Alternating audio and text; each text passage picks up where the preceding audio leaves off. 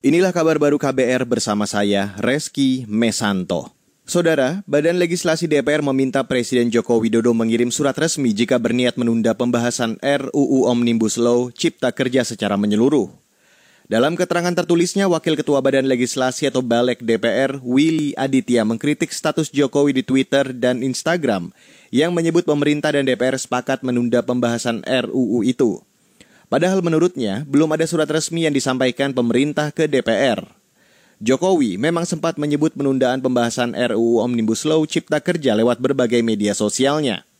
Namun status itu kemudian diturunkan dan diganti dengan pernyataan menunda pembahasan klaster ketenaga kerjaan dari RUU tersebut. Balek juga sepakat tidak mengindahkan pernyataan Jokowi karena tidak disampaikan lewat surat resmi. Willy menyebut jika pemerintah hanya akan menunda klaster ketenaga kerjaan, maka tidak diperlukan surat resmi dari pemerintah. Sebelumnya, Presiden Jokowi mengumumkan penundaan pembahasan klaster ketenaga kerjaan RUU Omnibus Law Cipta Kerja. Meski klaster ketenaga kerjaan ditunda, pembahasan RUU tetap berjalan sesuai jadwal. Beralih ke kabar selanjutnya, Kementerian Luar Negeri mencatat sebanyak 571 warga negara Indonesia yang positif terinfeksi COVID-19 di luar negeri.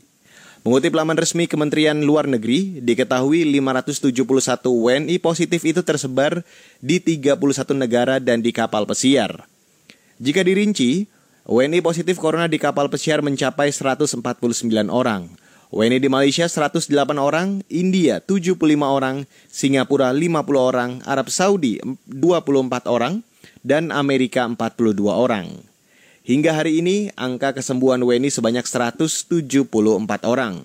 Sementara kemarin, angka kesembuhan sebanyak 164 orang.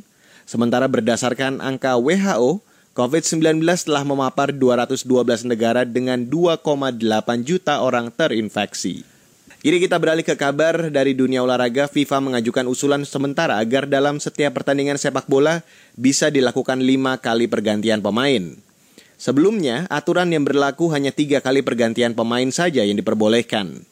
Menurut FIFA, aturan itu sengaja diusulkan karena alasan pertimbangan frekuensi pertandingan yang akan melonjak usai pandemi virus corona. Dampaknya, pemain akan cepat kelelahan dan potensi cederanya lebih tinggi. FIFA mengatakan usulan itu harus mendapat persetujuan lebih dulu dari Badan Pembuat Aturan Sepak Bola atau IFAB. Sesudah itu, keputusan terakhir ada di tangan para penyelenggara kompetisi masing-masing. Kalau disetujui, maka setiap tim sepak bola berhak mengganti tiga kali pemain pada babak pertama, lalu mengganti dua pemain lagi pada babak kedua. Demikian kabar baru KBR, saya Reski Mesanto.